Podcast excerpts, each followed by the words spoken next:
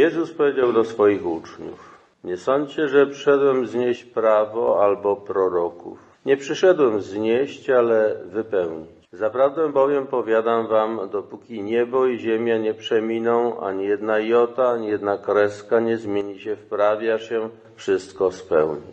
Ktokolwiek więc niósł jedno z tych przykazań, choćby najmniejszych, i uczyłby tak ludzi, ten będzie najmniejszy w Królestwie Niebieskim. A kto je wypełnia i uczy wypełniać, ten będzie wielki w Królestwie Niebieskim. Popowiadam wam, jeśli wasza sprawiedliwość nie będzie większa niż uczonych w piśmie i faryzeuszów, nie wejdziecie do Królestwa Niebieskiego. Słyszeliście, że powiedziano przodkom, nie zabijaj. A kto by się dopuścił zabójstwa, podlega sądowi. A ja wam powiadam, każdy, kto się gniewa na swego brata, podlega sądowi. A kto by rzekł swemu bratu raka, podlega wysokiej rady. A kto by mu rzekł bezbożniku, podlega karze piekła ognistego. Jeśli więc przyniesiesz dar swój przed ołtarz i tam wspomnisz, że brat twój ma coś przeciw tobie, zostaw tam dar swój przed ołtarzem, najpierw idź i pojednaj się z bratem swoim.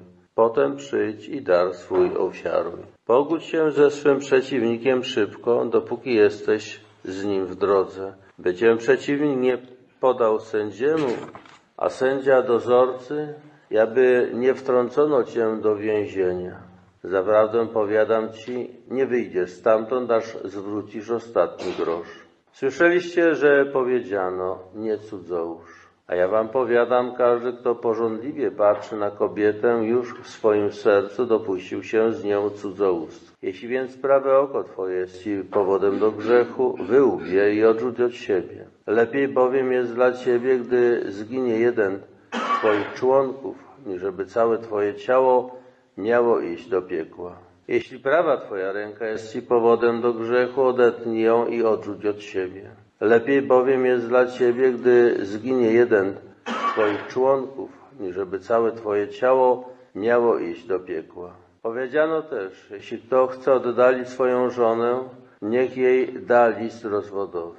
A ja wam powiadam, każdy, kto oddala swoją żonę poza wypadkiem nierządu, naraża ją na cudzołóstwo. A kto by oddaloną wziął za żonę, dopuszcza się cudzołóstwa. Słyszeliście również, że powiedziano przodkom, nie będziesz fałszywie przysięgał, lecz dotrzymasz Panu swej przysięgi.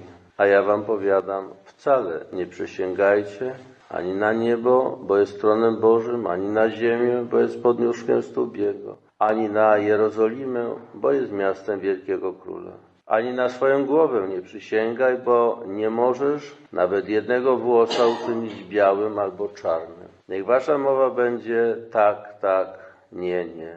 A co nadto jest, od złego pochodzi. Nie przyszedłem znieść prawa, ale je wypełnić. Dramat spotkania człowieka z Bogiem rozpoczął się od grzechu pierworodnego, jakiegoś pęknięcia, braku pełnej ufności człowieka jako dziecka w stosunku do Boga jako Ojca.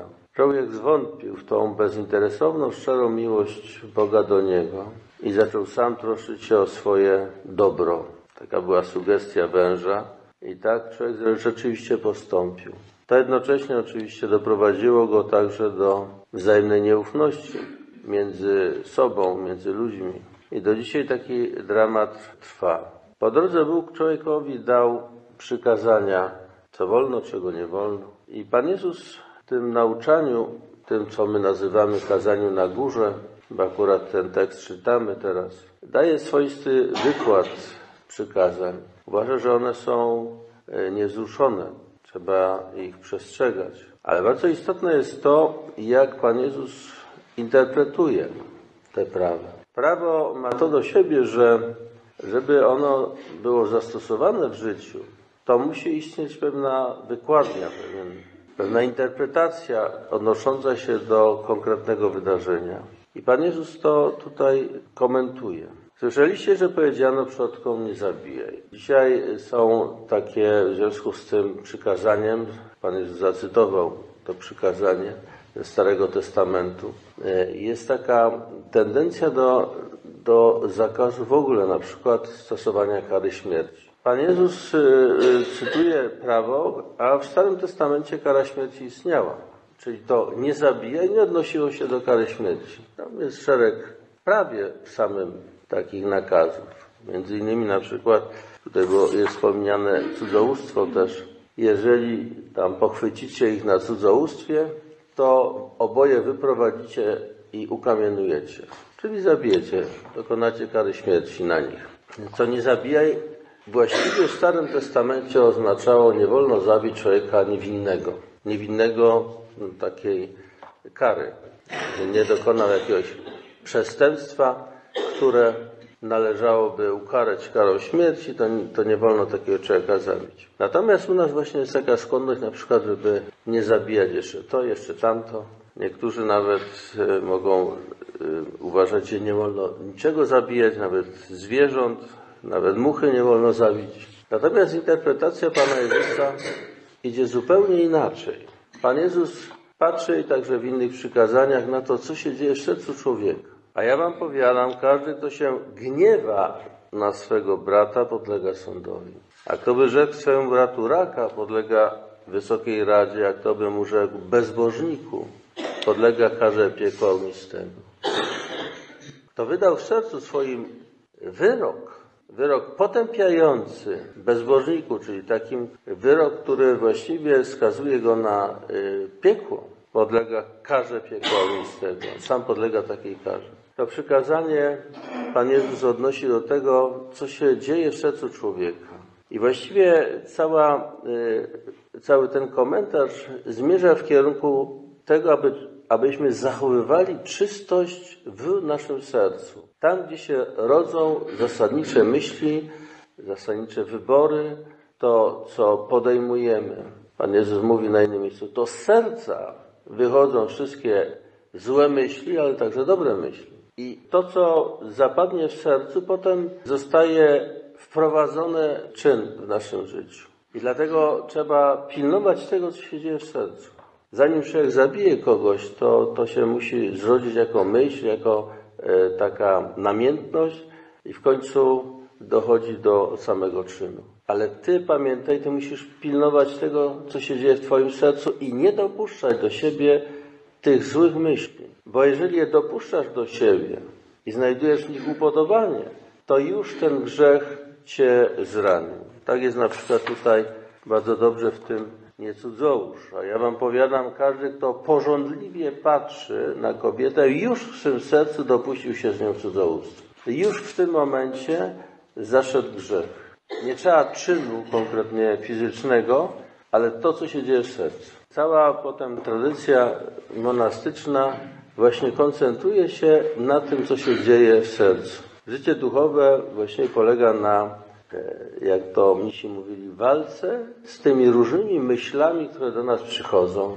i umiejętności rozróżniania, co jest dobre, co jest złe i wybierania w życiu tego, co dobre, a jednoznacznego odrzucania tego, co jest złe i co prowadzi do, do nie tylko grzechu, ale, ale w ogóle jakoś odwodzi człowieka od spotkania z Bogiem. I tak mniej więcej Pan Jezus interpretuje w takim duchu prawo Boże.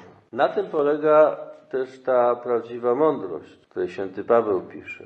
Ona jednocześnie jest y, skoncentrowana na tym, co jest nam przyrzeczone i co jest jako perspektywa. Mądre myślenie jest takie, które prowadzi do pełni życia. A ta pełnia życia następuje po śmierci, kiedy my przechodzimy do domu Ojca. Mądrością jest zdolność wybierania tego wszystkiego, co nas prowadzi do tej pełni życia, do, tak jak święty Paweł tutaj mówi, ani oko nie widziało, ani ucho nie słyszało, ani serce człowieka nie zdołało pojąć, jak wielkie rzeczy przygotował Bóg tym, którzy Go miłują. Rozstrzyga się to wszystko na poziomie naszych wyborów, które się dokonują w sercu. To w nim wybieramy siebie i nasze życie zgodnie z tym, co nam mówią przykazania. I nie tylko przykazania, ale przede wszystkim sumienie, którym Bóg do nas przemawia. Stawiam przed Tobą życie albo śmierć. Wybieraj. I ten wybór się dokonuje przez e, całe życie w różnych sytuacjach A ten wybór się dokonuje, dokonuje w naszym sercu. I Pan Jezus na to zwraca uwagę. Tutaj, tutaj się dokonuje to, co jest najważniejsze. Wybór Boga albo wybór mm, śmierci.